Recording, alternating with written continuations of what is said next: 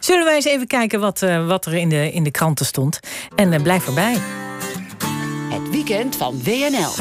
Ja. Peter Gillis die praat ook mee met uh, Mark Koster. Want jullie, nou, jullie kennen elkaar van, van het boek wat is, is gekomen. Ja, we, het belangrijkste nieuws gaat nou, ook gewoon door uit de kranten. Eigenlijk met wat mij betreft het taboe van het weekend. En dat gaat ook over een, een soapster, realityster. Erika Meiland zat gisteren bij Jinek. En Erika die zei daar dingen waar gans de natie nu weer in paniek van is geraakt. Ze heeft ook een boek uitgegeven. En in dat boek gaat zij een beetje hard erin. Althans, volgens sommigen over vrouwen die hoofddoekje op hebben. is misschien wel aardig om Peter. Want ik zag bij jou op jouw kantoor een dame met een hoofddoekje. Dus jij hebt daar minder problemen dan Erika Meiland. Ik ga je voorlezen wat in het boek staat. Er is echt geen meisje dat in de zomer op de fiets wil met een hoofddoek om. Je wil gewoon de wind in je haren voelen, staat in dat boek. Dat is vrijheid. Ik ben ook voor een boerkaverbod. Rot op joh met je boerka. Nou, gisteravond herhaalde ze dit bij Jinek en toen denderde iedereen eroverheen. Uh, ik vind dat, zij mag dat vinden. En dan mag ze, dat, ik vind ook dat, dat, er zit er nog wel wat in. Hè? Maar wat ik dan vreselijk vind, is dat haar dochter Maxime nu vandaag via Instagram met de dood wordt bedreigd. Ja, dat, is wel heel dat, dat vind ik dan weer. Ik weet niet, Peter, hoe is het bij jou? Heb jij. Uh... Uh, nou, uh, bij ons is iedereen uh, welkom. Vakantie voor iedereen. Dus ik heb ook wel respect voor die mensen die, die dat dragen. Dat is ook de geloof, denk ik. ik heb me eigenlijk nooit zo in verdiept. Maar ik zie ze bij ons op de, op de, op de parken rondlopen. Nou, ik vind het allemaal prima. Precies, maar dat vond ik wel grappig aan Peter. Want ik wist, dat, ik, hij, ik al hem nu een beetje mee. Maar het, het aardige is dat ik dat bij jou gewoon... Maar wij hebben het in het hele boek niet over politiek gehad. Nul keer. Interesseert ons niet. Het gaat om ondernemen en volgens mij geld verdienen. Daar, daar, ja. ja dat mag je doen. Maar politiek dat vinden we, dat vind ik althans. Ik heb, ja, de interview gaat nog even door. Maar jij, wij hebben het eigenlijk nooit over gehad, toch? Nee, maar dat, dat, moet ook iedereen voor zijn eigen weten. Dus uh, ik kwam net hier naartoe gereden en dan op de snelweg. Ik heb natuurlijk heel mijn Rolls Royce uh, beletterd met mijn nieuw boek. Tuut, tuut, tuut. Ja, zitten er ook mensen met hoofddoekjes in. Zijn ook fans. Prima, Kijk, allemaal kijkers. Dat is het verschil tussen de Meilandjes en maar, Peter Maar het grote verschil is dat je, dat je er wel wat van mag vinden. Maar een doosbedreiging, daar hadden we het eerder in de vorige uur ook over. Ja. Dat dat natuurlijk een heel ander verhaal is. Nou, nu Peter er toch bij zit. Stuk in het AD. de methode Caroline van der Plas. Kop is ontregelen en gewoon blijven doen moest ik aan jou denken, Peter. Want dat is wel een beetje die Caroline van der Plas... die dus, hè, er staat heel, heel groot uh, hoe, dat, hoe, ze dat dan, hoe ze dat tactisch dan aanpakt. Hè. Ze zegt van het parlement, daar moeten maar asielzoekers in... want die boze etages zijn leeg motie aangenomen. En dat doet ze dan om even te laten zien van... je moet al die asielzoekers niet in de provincie opnemen... maar ook gewoon in de stad. En, zij, en de, de truc is eigenlijk, ze ontregelt... en dan komen ze met een heel normale, praktische oplossing. Moest ik aan jou denken. Maar ja? Wat, wat vind je ervan? Wat, wat vind je van Caroline van der Plas? Nou, ik ken ze eigenlijk niet persoonlijk, dus... Uh...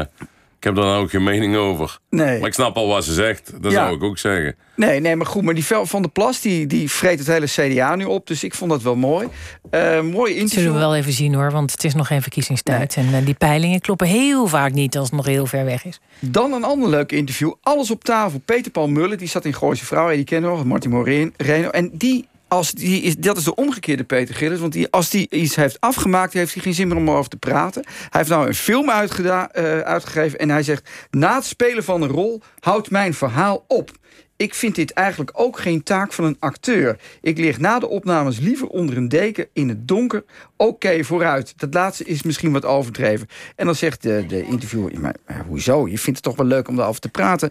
Ja, een beetje wel, maar ik heb het zelf niet zo. Als ik een goede film zie met briljante acteur, acteurs... hoef ik niet te weten waarom en hoe ze het deden. Dus dat vind ik wel grappig. Peter gaat overal op in...